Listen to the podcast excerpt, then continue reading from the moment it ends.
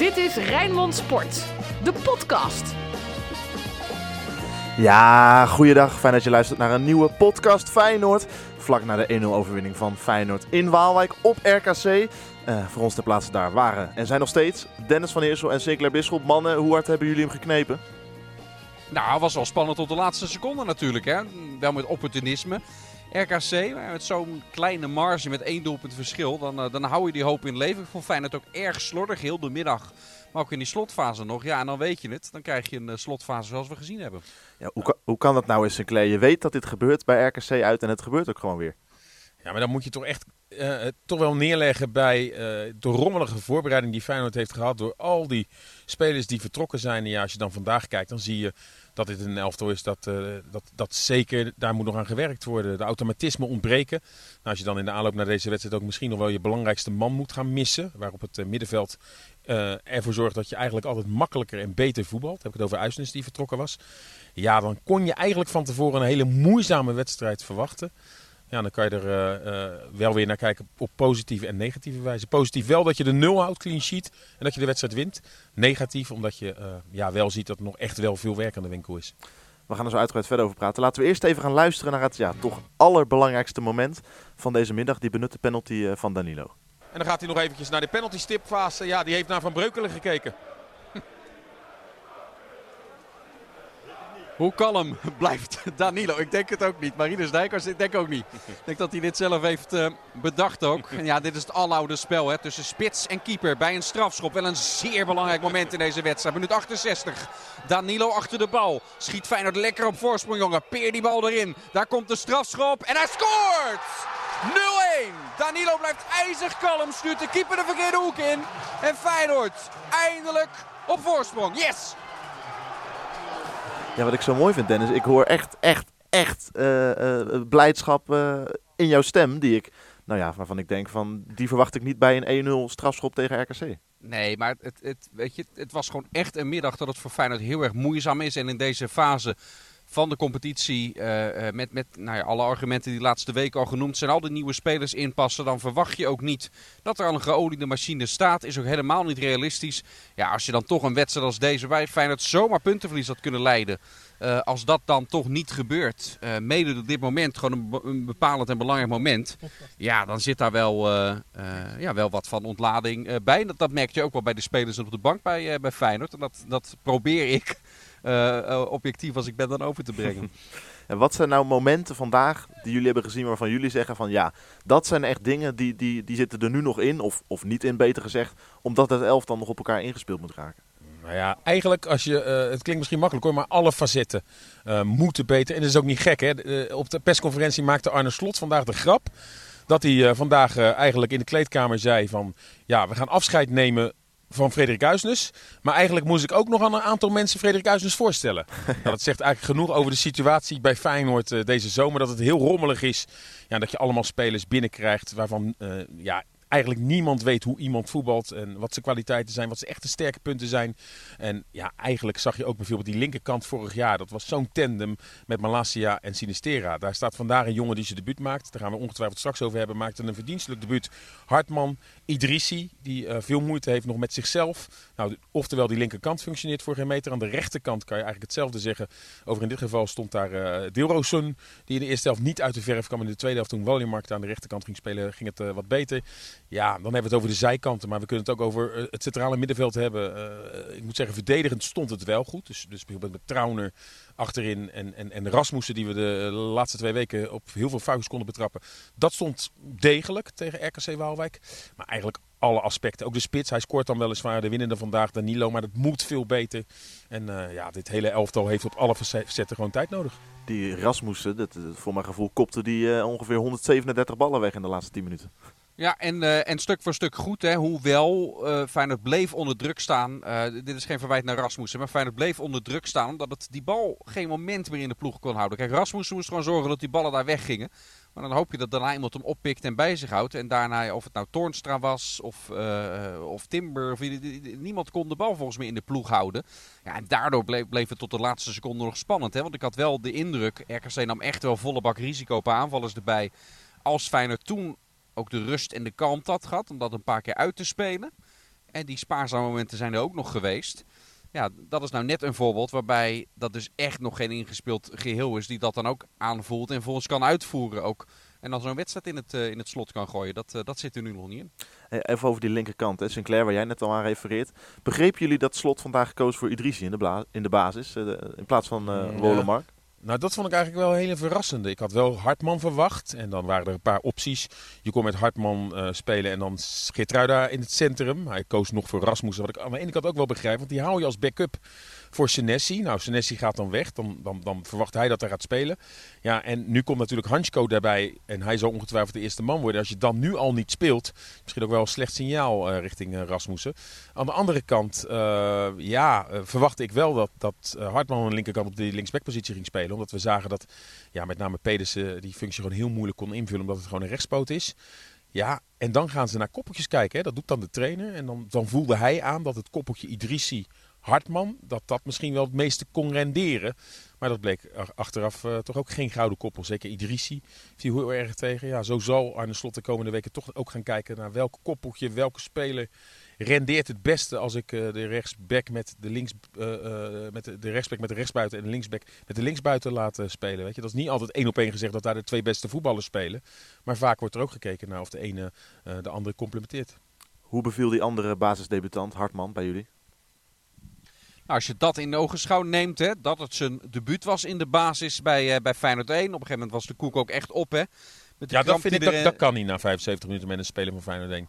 Ook niet met zijn voorgeschiedenis? Nee, nee, nee. Dat hij ook in de voorbereiding natuurlijk niet, uh, niet alles heeft kunnen doen. Ja, maar uh, dit is een wedstrijd dan tegen RKC. Hè? En ja. we gaan er dan vanuit dat als jij basisspeler bij Feyenoord wil worden... Uh, en de komende weken zijn er meerdere wedstrijden. Er gaan straks wedstrijden om de drie dagen. Als je dan tegen RKC na 75 minuten kramp als profvoetballer, het is toch je werk, dan uh, ja, begrijp ik dat niet. En je speelt niet vandaag tegen Real Madrid of Ajax uit. Je speelt dan tegen RKC en dan na 75 minuten kramp.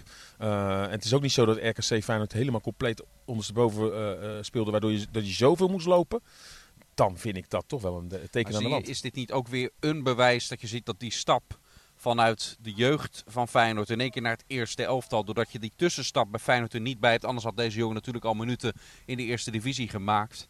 Ja, dat dit ook weer een bewijs is daarvan dat dat, dat het nodig is. En, want even dat, uh, dat aan de kant gezet. Hè, dat hij dus voortijdig uh, eruit moet vanwege, vanwege kramp. En in het begin één keer balverlies op een gevaarlijke plek. Vind ik voor de rest ja, dat, dat hij het, zeker als je in ogen en debutant is... Uh, dat hij daar met een, met een hartstikke mooi gevoel op mag terugkijken. Hij heeft verdienstelijk gedaan. Hè? Uh, alleen, ja, je kijkt nou wel naar een permanente oplossing.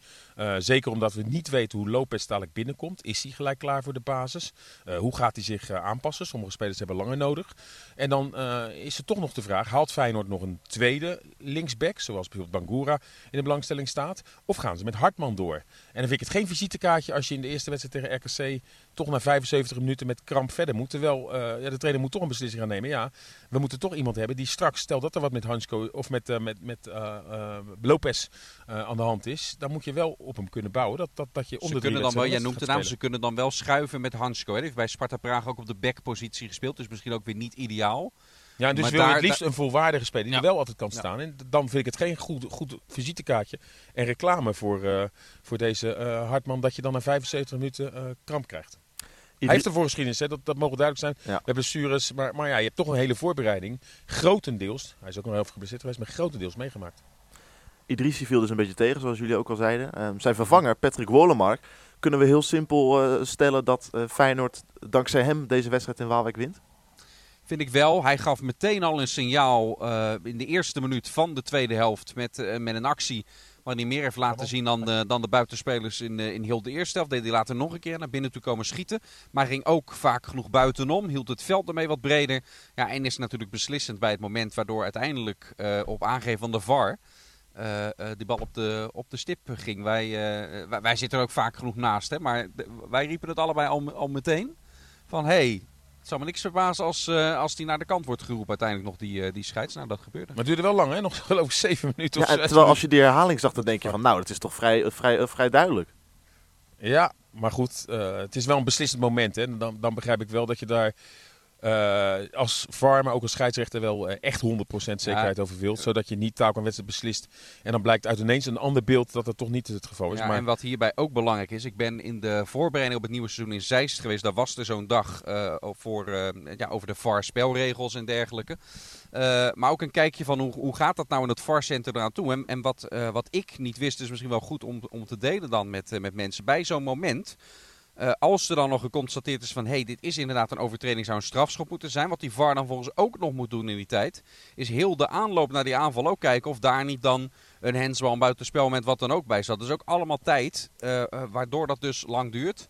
Maar ik ben ermee eens, toen, als de herhaling er eenmaal was... toen heeft het daarna nog lang geduurd dat er werd gezegd van... ik zou zelf nog maar even gaan kijken. Terwijl het hierbij op zich bij dit camera-shot wel snel duidelijk was. Ja, en toen kwam die penalty en toen kwamen jullie de trainer van eh, Excelsior tegen op de perstribune. Nou, die zat sowieso heel de wedstrijd naast eh, mij. Dat had ermee te maken dat RKC binnenkort tegen Excelsior speelt. En Excelsior dit weekend geen wedstrijd hoeven te spelen. Hè, omdat Twente Excelsior verplaatst is vanwege de Europese playoff wedstrijd van FC Twente. Dus hij zat naast ons. Nou, dan Ja. is het ook wel leuk om eh, met hem te bomen over de wedstrijd en hoe hij dingen ziet. Maar ja, hij zag natuurlijk ook geen briljante, briljante Feyenoord. Maar eh, nou ja, hij, eh, hij zal ongetwijfeld ook wel eh, mogelijkheden ge- hebben gezien om eh, dit RKC te bestrijden. Even terug naar eh, Patrick Wolemark. Ehm, heeft hij jullie nu al overtuigd in, eh, met deze invalbeurt dat, dat, dat, dat je hem niet moet passeren in de basis van dit Feyenoord? Nee, dat is te vroeg. Zeker omdat Igor Paixão er natuurlijk op een gegeven moment bij gaat komen. Hè. Al weten we ook niet hoeveel tijd die nodig heeft om te wennen aan het leven in Nederland, aan het spelen in Nederland, noem maar op. Dus dat, dat kan best ook nog wel even duren. Maar dat is volgens mij wel de beoogde man aan die flank. Eh, al speelde Wolemark nu op, op rechts en ging Diel toen weer naar Ja. links. Dus Feyenoord is echt nog zoekende. Eh, eh, en, en de- laten we ook wel zijn, de vorige wedstrijd viel Ja, nee, Wolemark weer heel, heel erg tegen. Hè. Alleen ja, Idrissi is nu wel drie keer. en ook als invaller dat het eigenlijk niet bevalt. En, en die schrijf ik daarmee niet helemaal af. Maar het lijkt wel erop dat hij echt nog tijd nodig heeft om echt helemaal fit ook te worden. Want dat is hij volgens mij gewoon echt nog niet. Ja, en dan is het misschien ook richting Idrissi niet handig om hem dan al in de basis te zetten. Als hij er eigenlijk gewoon nog niet klaar ook voor is. Je kan wel een conclusie trekken dat, eh, dat het wel heel erg moeilijk gaat worden voor Jaren Baks. Als je vandaag in deze wedstrijd niet eens als invaller in de ploeg mag komen, terwijl het niet loopt met de buitenspelers, dan eh, ja, lijkt dat misschien wel, eh, wel klaar. Hè? Ik bedoel, ja, is toch een speler vorig jaar gehaald eh, vanuit Engeland om eh, misschien wel de belangrijkste eh, speler te gaan worden. Ja, die, die, die krijgt nu niet eens kansen, terwijl Pacquiao er straks bij nog moet komen. Eh Tabouni, die inviel vandaag overigens wel op de nummer 10 positie, kan ook aan de zijkanten uit de voeten. Dus ik denk wel dat de conclusie eerder getrokken kan worden dat het wel heel erg lastig wordt voor, eh voor Alireza Jaanbaks. Ja, jij zei al hè, tijdens het wedstrijdsverslag ook van misschien voor hem en voor Feyenoord beide partijen maar beter dat, dat hij nog op zoek gaat naar een nieuwe club deze transferperiode. Ja, Utrecht, eh, eh, ja, daar lopen volgens mij wel wat contacten hè, met Utrecht om daar eventueel heen te, te gaan. Misschien ook wel een... Ah, eh, die hebben genoeg geld voor Timber binnengekregen. Dus die kunnen we wat Daarom. terug over maken, toch? Dat, dat, dat- Nee, maar ook Toornstra wordt gelinkt hè, aan eh, een- eventueel nog naar FC Utrecht. Want eh, er zijn wel wat clubs die belangstelling hebben getoond, waaronder FC Utrecht voor Jens uh, Toornstra. Aan de andere kant zegt Arne Slot erover, ja, het liefst wil ik hem niet kwijt. We weten hoe belangrijk hij is. Vandaag moet hij ook wel weer eh, vroeg eh, invallen. Dus wat dat betreft wordt het nog wel een interessante week, laatste week van de transferwindow. Dat er niet alleen nog spelers bijkomen, maar dat er ook misschien nog eh, spelers eh, vertrekken bij Feyenoord. Weet je wat ik, eh, wat ik mooi vond, Dennis? Jij sprak eh, Danilo net eh, in, de pers, eh, in, de, in de persruimte bij RKC Waalwijk. En, en, Ruimtetje hoor, mag je eh, zeggen. ruimtetje. Zo, dat is, Jullie dat is pa- krap hoor. jullie, jullie passen er met z'n tweeën net in, met Danilo Ja. erbij. Nou ja, er worden hier ook, ook van die worstenbroodjes worden hier eh, geserveerd. En de vaste RKC-watchers die... eh, die- dus het is echt een krap hockey. Hè? Oh, dit is zo makkelijk, Dennis van Eersel. Zo makkelijk. Nee, maar wat ik, wat ik wilde zeggen, ik vind het wel mooi. Kijk, het gaat natuurlijk over die penalty, het, het moment van de wedstrijd. Maar hij, hij prijst ook heel erg eh, zijn verdedigers. En dat vind ik wel mooi, dat een, dat een spits dat zegt.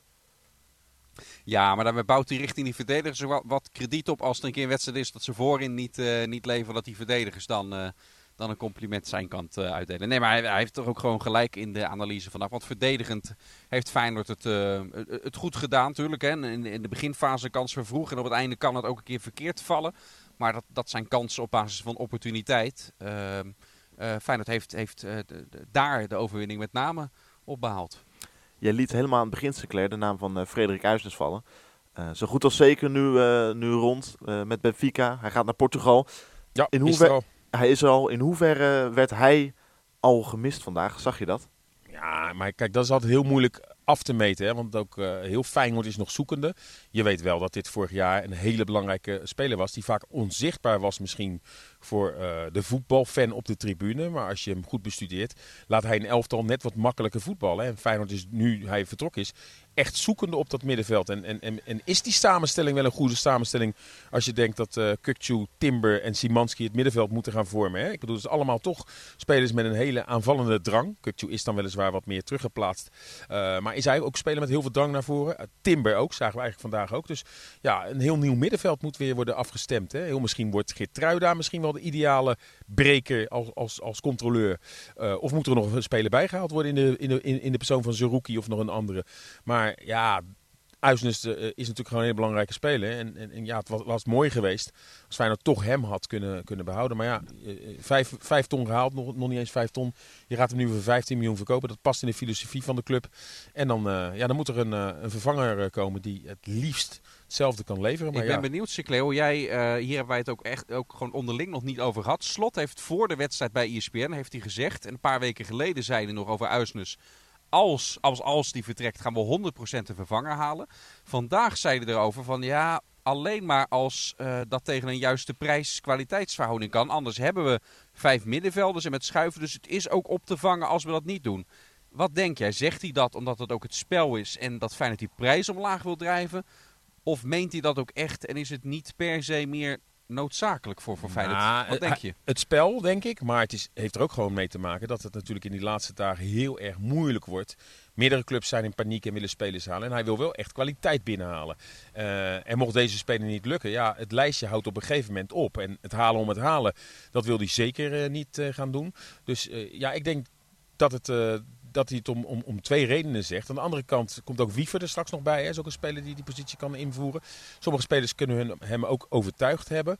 Maar uh, ja, de, bedoeling is gewoon wel dat Feyenoord in gaat zetten. En dat gaan ze ook doen om in ieder geval nog een, uh, een of twee middenvelders te halen.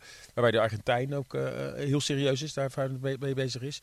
En dan het liefst ook nog echt of Seruki of een andere speler om daadwerkelijk hem op te, te vangen. Maar het wordt moeilijk hè, die laatste dagen.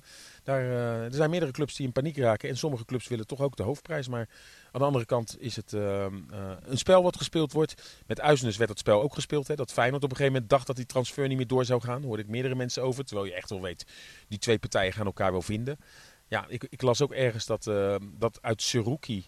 Uh, dat daar de stekker uit werd getrokken door Feyenoord. Ik begrijp dat het echt niet het geval is nee. dat Feyenoord nog alsnog hè, uh, uh, hoopt dat Twente in ieder geval wel wat lager gaat zitten. En vaak vinden de partijen elkaar. Dus dat is echt geen uitgemaakte zaak. Dus ook Seruki kan gewoon nog speler van Feyenoord worden als opvolger van Uisnes. Het is toch ook juist doordat Uisnes weg is en het geld dat daarmee vrijkomt, dat de onderhandelingen met Twente over Seruki in een stroomversnelling kunnen komen. Ja, maar dat wil niet zeggen dat dat geld bij Feyenoord nu binnen is dat ze dan opeens toch richting de 10 miljoen voor hem gaan. Hè? Omdat, en dat heeft Seruki zelf ook in een interview heeft hij dat uitgelegd. Op het moment dat je als speler binnenkomt voor zo'n soort bedrag, wat Twente dus naar verluid voor hem zou uh, willen hebben, een onrealistisch bedrag, want dat is gekoppeld ook aan het salaris dat een speler voor ons verdient. En als, spelers, als Feyenoord spelers van 10 miljoen uh, gaat halen, dan hoort ook een ander soort salaris bij. Dat moet een beetje in verhouding in balans met elkaar uh, liggen. Dus uh, ja, dat soort bedragen gaat Feyenoord echt niet voor uh, Zerouki neerleggen. Hoe graag die speler zelf uiteindelijk ook, ook wil. Dus ja, Twente zal daarin ook wat realistischer moeten zijn. Want ik denk niet dat die jongen daar in Enschede momenteel ook een salaris verdient. Dat hoort bij een speler die zo'n marktwaarde vertegenwoordigt. Nee. Mannen, wat zijn voor jullie de belangrijkste lessen die Feyenoord mee kan nemen uit deze nipte overwinning op RKC? Nou ja, uh, het, het, is heel makkelijk. Het, moet op alle vlakken gewoon beter, maar dat, dat weet Arne Slot. En als je uh, van heel dichtbij bestudeert, is het natuurlijk ook geen hogere wiskunde. Ik bedoel, het zijn echt spelers die letterlijk en figuurlijk inkomen vliegen, echt nog niet zoveel trainingen hebben gehad en, en, en moeten aanpassen. En het moet nog een elftal worden. En niet alleen op het veld, maar ook in de kleedkamer. Hè. Die hele hiërarchie uh, in de kleedkamer, ook buiten de kleedkamer, die moet nog helemaal worden gemaakt. Spelers moeten aan elkaar wennen.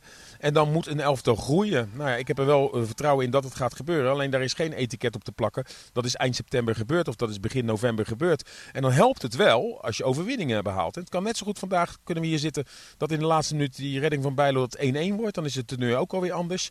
Vorige week had Feyenoord hem kunnen winnen tegen Heerenveen. Maar je ziet dat winst en verlies en gelijk dat nog heel dicht bij elkaar ligt. Uh, een club als Feyenoord hoort er gewoon voor te zorgen dat hè, dit soort wedstrijden makkelijk gewonnen moeten worden. Al gebeurde dat overigens vorig jaar ook niet altijd. Maar ja, dat is een heel proces wat nu gaande is. En, en, en, en dat gaat gewoon met vallen en opstaan. Nou, gelukkig uh, is, het, uh, is Feyenoord vandaag opgestaan na een hele moeilijke wedstrijd. Maar dat is geen garantie dat de komende wedstrijden het, het, het, het, het, makkelijker gaat. Ik bedoel, het is echt een proces wat, wat tijd nodig heeft. Ik mag wel hopen dat zaterdag Emmen thuis een stuk minder billenknijpen wordt dan vandaag. Dat, dat mag ik ook hopen. Dat mag ik ook hopen. Maar, uh, ja, Mark dat, Diemers speelt daar, hè? Staat nog een rekeningetje open met Diemers en Feyenoord. Nee, maar... Ja, uh, je zal het net zien. Nee, maar de laatste Feyenoord-Emmen uh, was natuurlijk ook gewoon een 1-1 wedstrijd. En natuurlijk, Feyenoord-Herenveen zag je ook heel veel kansen. Maar dan moet het ook maar, maar, maar, maar, maar ja, het liefste vroeg een doelpunt maken. En anders wordt dat ook gewoon weer een hele vervelende wedstrijd. De Feyenoorder van de week. dan zeg ik Gernot Trauner. En ik Patrick Wollemark.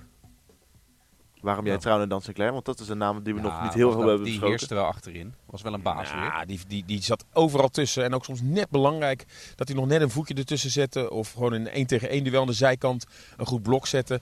Nee, uh, het feit dat Feyenoord nu twee keer de nul heeft is uh, grotendeels op konto van, uh, van de aanvoerder van Feyenoord. Want dat is hij tegenwoordig. Dus uh, ik ga voor hem. Ik vond hem zeker niet slecht invallen.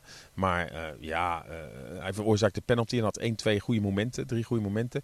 Maar ik vind dat hij nog veel meer moet brengen, Patrick Williamark. Om echt voor mij speler van de wedstrijd te, te, worden. Dus ik ga dan voor, voor Gernot Trauner. De glazen bol. Nee, Feyenoord-Emmen wordt een, een eclatante 2-0. Zegt, uh, en, en, de, en de eerste goal moet ik dan ook erbij uh, zeggen. Ja, ja, ja. Ja, ja. Uh, ja doe eens, weet je wat? Doe eens Geert Met een kopbal en een hoekschop. Ik zie het helemaal voor me. Wel, wel even ik, geleden. Ik ga voor een 3-1 zegen uh, voor Feyenoord. De wedstrijd die zeker niet makkelijk loopt. Waarin Emmen nog op 2-1 gaat komen als Feyenoord op 2-0 komt. Oh. Uiteindelijk in de slotfase wordt het uh, 3-1. Maar goed, uh, als Feyenoord in deze fase van de competitie gewoon de punten pakt kan het misschien dadelijk, wanneer de tegenstanders zwaarder gaan worden en het elftal beter op elkaar ingespeeld gaat raken, echt wel uh, betere resultaten uh, qua uitslagen neer kan zetten. En beter veldspel. Want dat wil Arne Slot ook zien. Hè? Uh, dat het spel gewoon echt beter wordt. Want alleen dan ga je, ga je dadelijk wedstrijden tegen zwaardere tegenstanders En wie maakt de eerste stand? Dan kun je bonuspunten mee krijgen. Danilo, die los is na zijn penalty. Ja, makkelijk man, kiezen voor de spits. Nou, elke week kun je nee, kiezen maar, voor de spits. Ja, maar die neemt ook de penalties. Maar over penalties gesproken. Uh, ik vond het wel heel cool, want hij zit niet in de wedstrijd hier vandaag in Waalwijk. Ja. En dan moet je een penalty nemen. En hij heeft dan, net als bij Twente toen, zo'n aanloopje.